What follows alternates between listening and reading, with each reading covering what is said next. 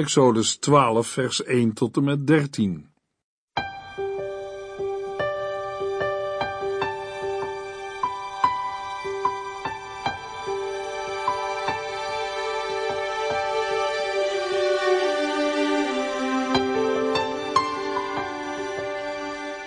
Hartelijk welkom bij De Bijbel Door, een programma van Transworld Radio. De Bijbel Door is een radioserie die u in vijf jaar meeneemt door de hele Bijbel. Van Genesis 1 tot Openbaring 22.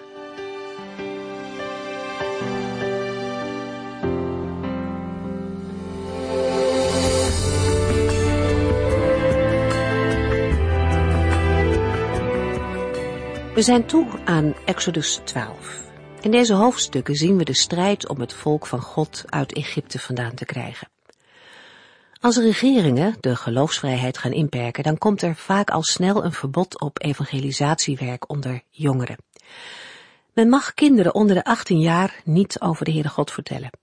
En zelfs in het Vrije Westen hoor je wel eens de gedachte dat kinderen niet een bepaalde richting opgeduwd mogen worden, maar dat ze zelf moeten kunnen kiezen wat ze willen geloven. Maar als we de kinderen niet laten delen in al het goede dat God ons geeft, dan doen we ze tekort. Dan onthouden we onze kinderen het allerbeste. Verschillende keren zegt God in de Bijbel dat we kinderen moeten vertellen over Hem, over Zijn machtige daden, zodat ze Hem niet vergeten. Zodat ze ook leren op Hem te vertrouwen. Want juist kinderen staan open om het evangelie te ontvangen. En gelukkig wil de Heere God juist die kinderen graag bij zich hebben. De dienaren van Farao dringen erop aan om de Israëlieten weg te laten gaan, omdat ze zien dat door al de plagen heel Egypte te gronden gaat. De farao wil dan van Mozes weten wie er meegaat naar het feest voor de heren. En als blijkt dat iedereen mee moet gaan, weigert de farao. Ja, ja, zegt hij. Ik zou nog liever willen dat de Heere jullie zou helpen, dan dat ik jullie met je kinderen laat gaan. Mozes stemt niet toe want ook de kinderen horen bij God en niet bij Egypte. Wat de mensen er ook van vinden, het is belangrijk om kinderen bij de Heer te brengen. Het is belangrijk om kinderen te betrekken in de dienst aan de Heer. De vijand van God is er immers nog steeds op uit om kinderen bij hem vandaan te houden. Misschien wilt u vandaag ook speciaal bidden voor mensen die het evangelie aan kinderen vertellen.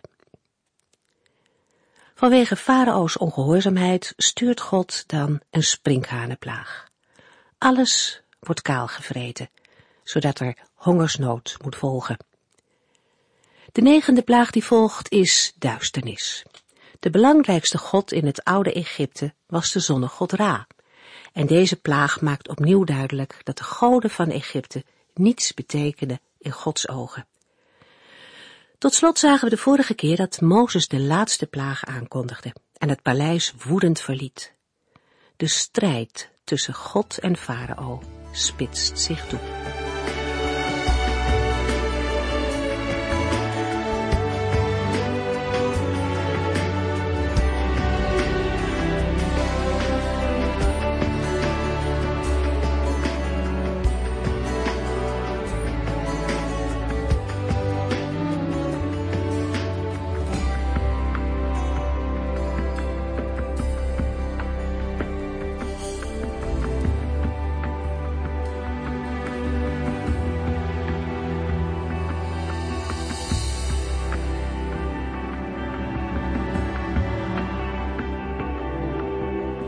Aan het slot van Exodus 11 hebben we de Heere tegen Mozes horen zeggen: De Heere zei erop tegen Mozes: De farao zal niet naar u luisteren, en dat geeft mij de mogelijkheid door wonderen mijn kracht te laten zien.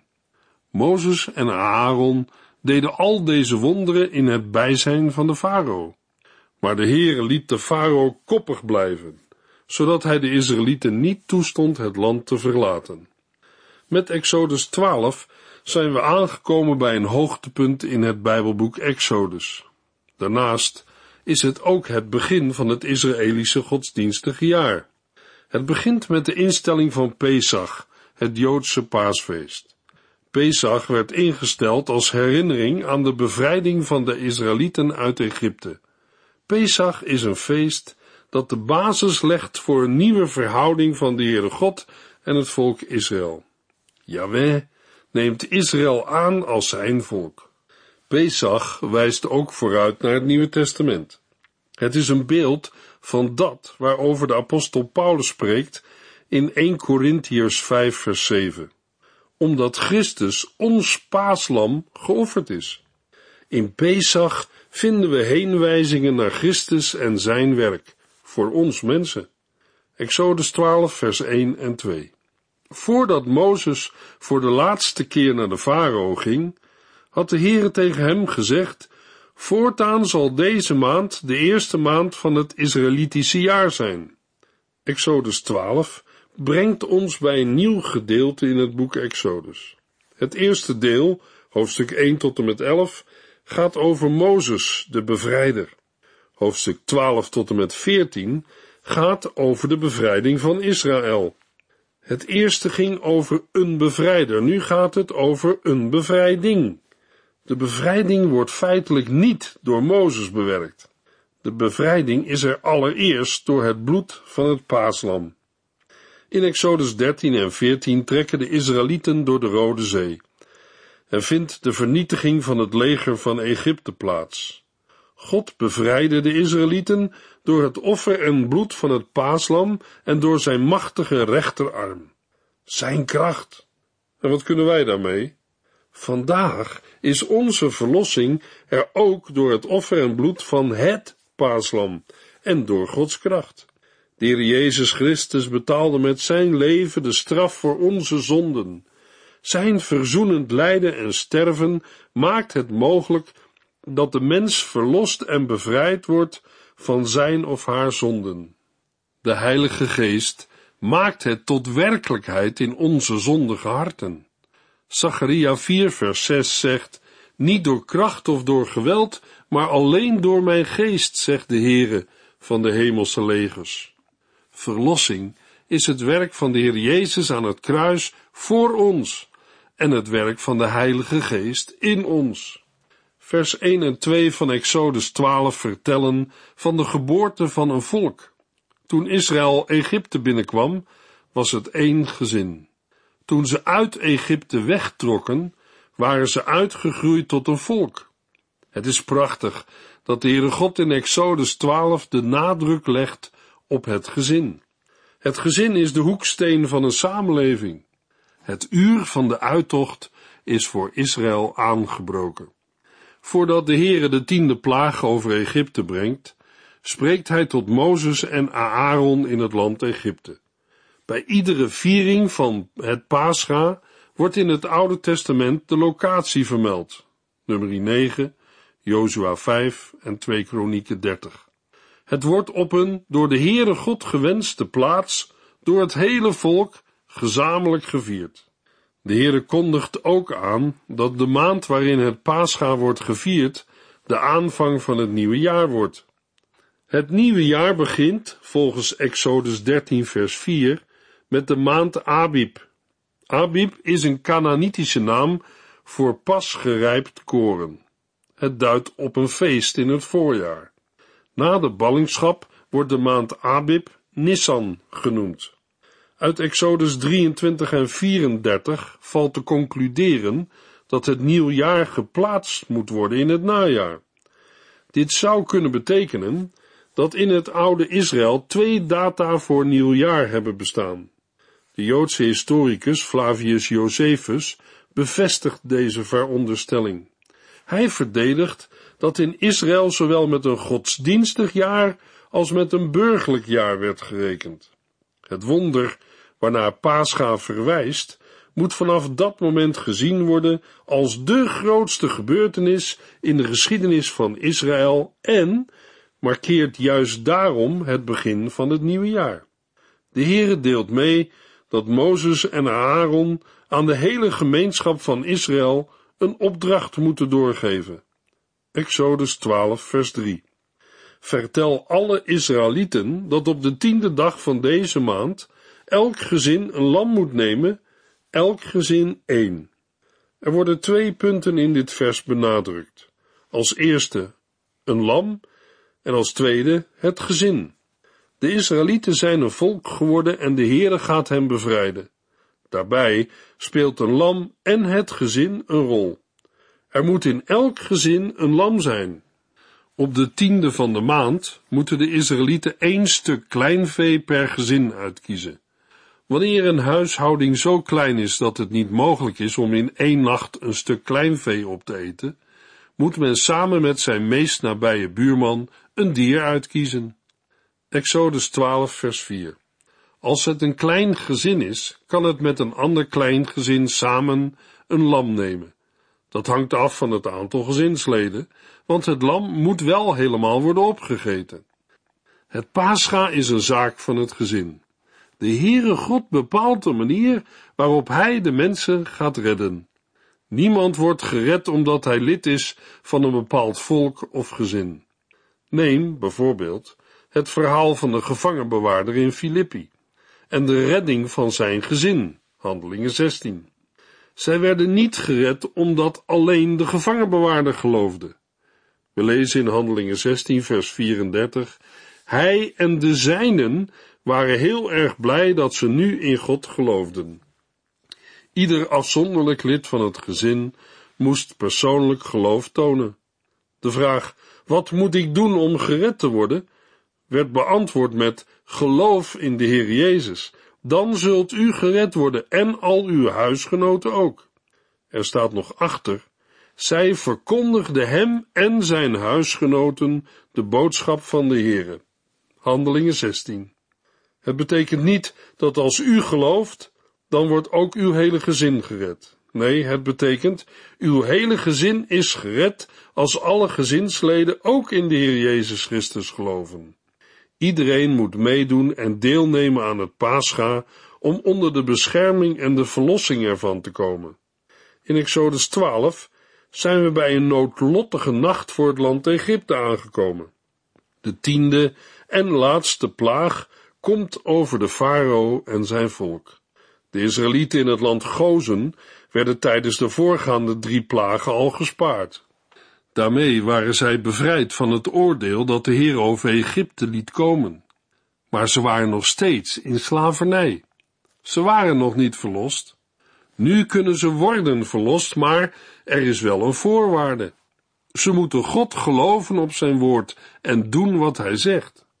Exodus 12, vers 5 en 6. Het mag geen enkel gebrek hebben en het moet mannelijk en één jaar oud zijn. Het mag ook een bokje zijn. Tegen de avond van de veertiende dag van de maand moeten alle Israëlieten de dieren slachten. Het uitgekozen lam of stuk kleinvee moet zonder gebrek zijn. Het duidt naar de voorwaarden waaraan een offerdier moet voldoen.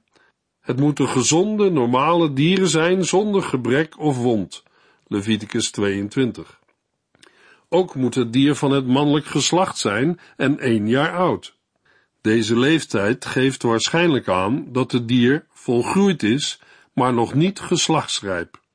Het kan zowel een schaap als een geit zijn. In het Midden-Oosten is het verschil tussen schapen en geitensoorten niet altijd scherp te trekken. Daarom is kleinvee een verzamelnaam voor zowel schapen als geiten. Tegen de avond van de veertiende dag van de maand moeten alle Israëlieten de dieren slachten. Van de tiende tot de veertiende dag moet het dier apart worden gehouden. Blijkbaar mag het dier niet bij de kudde blijven. Mogelijk omdat anders toch een ander ondeugelijk dier wordt geofferd. Malachi 1 vers 14. Of dat het dier alsnog ziek of verwond raakt. Duizenden dieren moeten die avond zijn geslacht. Maar die dieren die spraken van een ander lam. De Heere God zag in al die dieren dat ene lam, de Heere Jezus Christus. Hij is ons paaslam, voor ons geofferd. Ook het Joodse paasfeest wijst al naar de komst van de Heer Jezus Christus. In gezamenlijkheid slachten de familiehoofden op een vastgesteld tijdstip voor de avond of in de loop van de avond het paaslam. De tekst bevat de uitdrukking tegen de avond. Letterlijk vertaald staat er tussen de avonden. De Heere legt verder uit wat met het vrijgekomen bloed moet gebeuren. Exodus 12, vers 7 en 8. Het bloed moeten ze strijken aan de posten van de voordeur van het huis waar ze eten. Die nacht moet iedereen geroosterd vlees eten, met ongezuurd brood en bittere kruiden.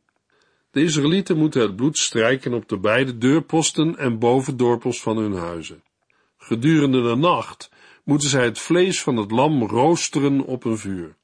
Daarnaast hebben zij de opdracht om ongezuurde broden en bittere kruiden te nuttigen. Het bittere kruid is op te vatten als een verwijzing naar het zware slavenwerk dat de Israëlieten in Egypte moesten verrichten. In Exodus 1 vers 14 wordt dit slavenwerk ook als bitter omschreven. De Heere beveelt nadrukkelijk dat het vlees niet rauw of gekookt mag worden gegeten.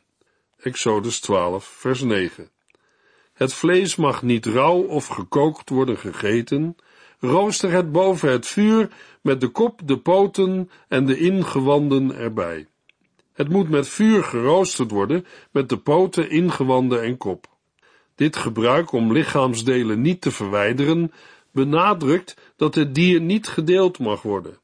Op deze wijze wordt vermoedelijk verwezen naar de eenheid van het uitverkoren volk dat staat voor Gods aangezicht. Exodus 12, vers 10. Al het vlees moet dezelfde nacht worden opgegeten. Als er toch iets overblijft, moet dat de volgende morgen worden verbrand. De Heere voegt een mededeling toe over de duur van de maaltijd. De Israëlieten mogen niets overlaten tot de morgen en wat overblijft moet met vuur worden verbrand. Exodus 12 vers 11 en 12 Het moet een haastige maaltijd zijn. Iedereen moet klaarstaan om op reis te gaan. De sandalen aan en de wandelstaf in de hand. Het is een Pesach, voorbijgang voor de Heere. Want ik zal deze nacht door Egypte gaan en alle eerstgeborenen van mens en dier doden. Ik zal de afgoden van Egypte vernederen, ik, de Heere. Als de haastige maaltijd opgegeten is, moeten de Israëlieten zich voorbereiden op hun vertrek, die in grote haast zal plaatsvinden. Het opperkleed moet opgetrokken zijn. Dat was gewoonte wanneer men hard moest lopen. De wandelstaf moet in de hand zijn en de sandalen aan de voeten. Dan geeft de Heer aan wat het doel van het hele gebeuren is. Het is een paascha ter ere van de Heere. Elke aanwijzing die met dit feest is verbonden, heeft een speciale betekenis en boodschap. Het spreekt van de gemeenschap van het gezin. Het gezin kwam bij de viering van het paascha samen. Dit is voor ons vandaag ook een punt. Wat doen we tegenwoordig nog in het gezin? Een toenemende individualisering heeft ook gevolgen voor het gezin. Natuurlijk kan iedereen zijn of haar eigen dingetjes hebben. Dat hoeft op zichzelf niet verkeerd te zijn. Maar als een mens alleen maar met het individuele bezig is en er van samen geen sprake meer is, waar kun je dan echte warme gemeenschap met elkaar ervaren en voelen? Ook in de kerk zullen we het gezin niet uit het oog moeten verliezen. We zullen moeten toegeven dat de gezinnen onder druk staan.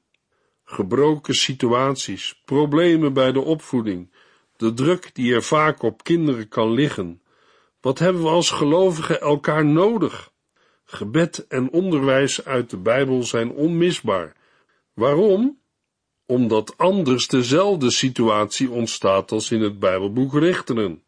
Richteren 17 vers 6. Iedereen deed wat goed was in eigen ogen. In kerk is vaak ook de neiging om voor de verschillende groepen in de gemeente verschillende programma's aan te bieden. Op zich kan dat heel goed zijn, maar het samen vieren is ook erg belangrijk. De viering van het Pascha was een gezinszaak. Zijn er vandaag nog erediensten voor het hele gezin? Er is nog een ander punt waar we aandacht voor vragen.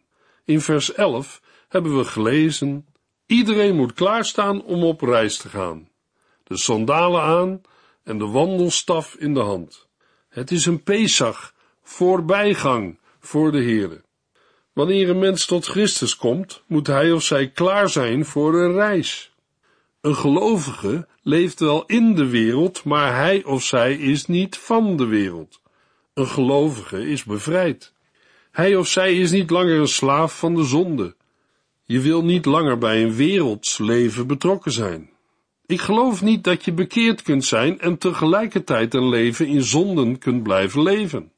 Dat betekent niet dat je nooit meer zult zondigen, maar het betekent wel dat je vecht tegen een patroon van zonde in je leven. In Titus 2, vers 11 tot en met 15 spreekt Paulus over dit onderwerp. Hij schrijft: De genade van God is bekend geworden, waardoor voor alle mensen eeuwige redding mogelijk werd. En daardoor leren wij dat wij ons van ons slechte leven en onze zondige verlangens moeten afkeren, om daarna van dag tot dag verstandig en goed te leven met ontzag voor God. Wij moeten vol verwachting uitkijken naar de tijd dat wij Zijn heerlijkheid zullen zien, de heerlijkheid van onze grote God en Redder, Jezus Christus. Hij is voor onze zonden onder Gods oordeel gestorven om ons te redden. Hij behoedt ons ervoor dat wij telkens weer tot zonde vervallen. Daardoor heeft hij ons gemaakt tot zijn eigen volk, dat zuiver van hart is en een groot verlangen heeft om goed te doen. Als u de Heer Jezus Christus mag kennen, als uw persoonlijke Heere en Zaligmaker, dan is het bloed aan de deurposten gestreken. Dan moet u wegtrekken uit de slavernij van de zonden. Dan is het een Pesach voor de Heere. En als een mens niet gaat, als er geen bloed aan de deurposten is gestreken, dan wacht de zwarte Godverlatenheid, de eeuwige duisternis. Dan worden de afgoden ontroond en blijkt de Heere de overwinnaar te zijn. Exodus 12, vers 12.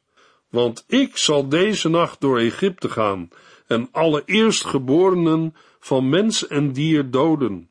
Ik zal de afgoden van Egypte vernederen, ik, de Heere. Daarmee verwijst de Heere naar de gebeurtenissen die gedurende de nacht in het land Egypte zullen plaatsvinden. De Heere verklaart dat hij deze nacht door het land Egypte zal trekken en daarbij zal hij elke eerstgeborene van mens en dier doden. Met deze machtsdaad van de Heere God zal duidelijk worden dat de farao, met zijn machtige positie als Egyptische oppergod, niet in staat is om de wereldorde te handhaven. Hij is niet opgewassen tegen de Heere. Er is er maar één die de macht over de wereld bezit, en dat is de Heere God, de God van Israël. Exodus 12, vers 13. Het bloed aan de deurposten zal voor mij het teken zijn dat daar Israëlieten zijn. Als ik het bloed zie, sla ik dat huis over. Uw eerstgeborenen zullen niet het slachtoffer worden van de straf die ik Egypte ga opleggen. Wanneer de Heer het bloed ziet aan de deurposten, zal hij aan het huis voorbij trekken en de eerstgeborenen sparen. Het bloed aan de deurposten zal voor mij het teken zijn dat daar Israëlieten zijn.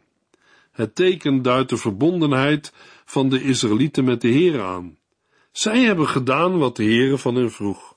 Verbondenheid met de farao leidt tot vernietiging, maar de verbondenheid met de Heere leidt tot redding.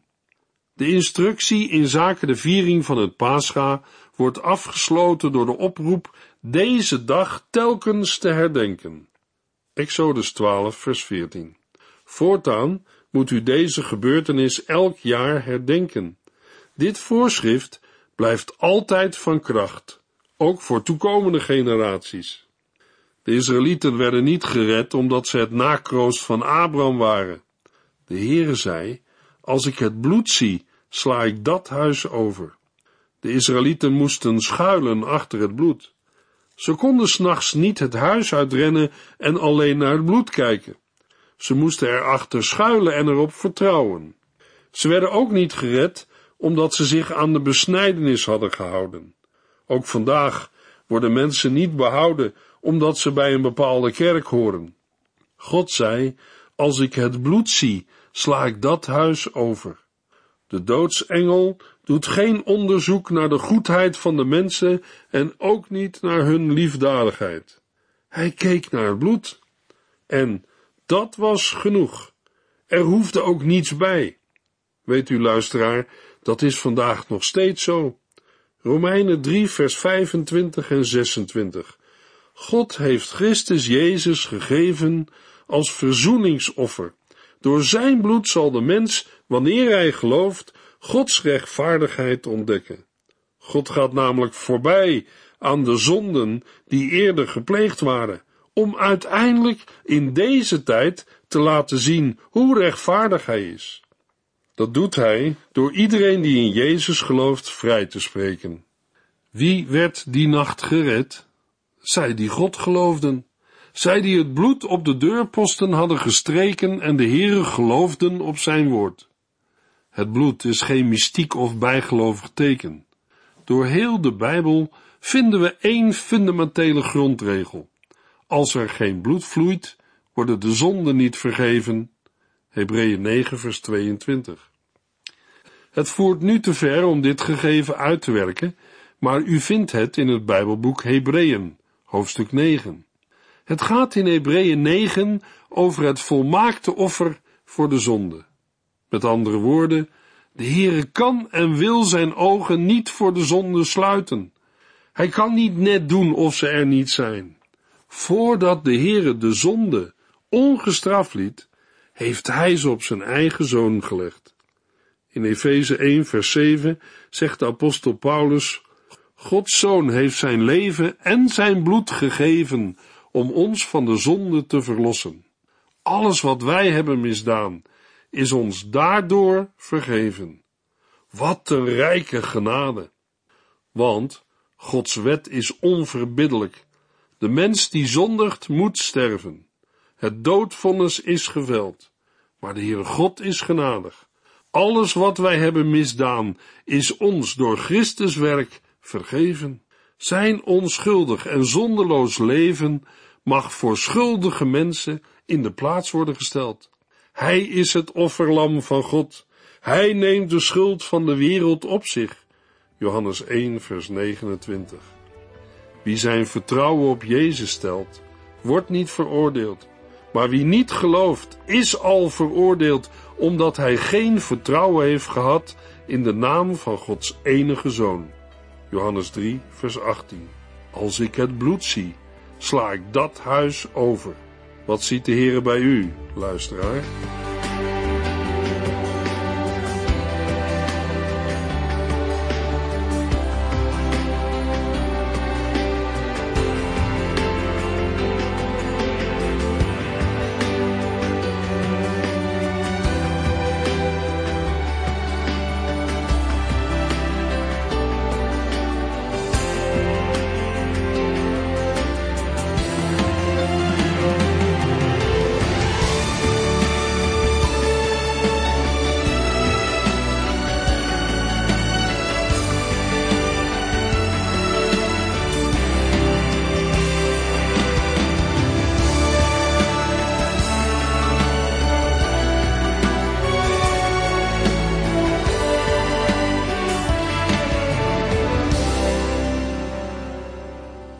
Heeft geluisterd naar De Bijbel Door. In het Nederlands vertaald en bewerkt door Transworld Radio. Een programma waarin we in vijf jaar tijd de hele Bijbel doorgaan. Als u wilt reageren op deze uitzending of u heeft vragen, dan kunt u contact met ons opnemen. Tijdens kantooruren kunt u bellen op 0342 478432. 0342 478432. 32. Ook kunt u een e-mail sturen naar de Bijbel door transworldradio.nl en natuurlijk kunt u ook via de post ons bereiken. TWR, postbus 371, postcode 3770, AJ in Barneveld. Dit programma werd gepresenteerd door Cor Weda en Ike André. Techniek was in handen van Odin van Woerdekom. En wij allemaal bedanken u voor het luisteren. Graag tot de volgende keer.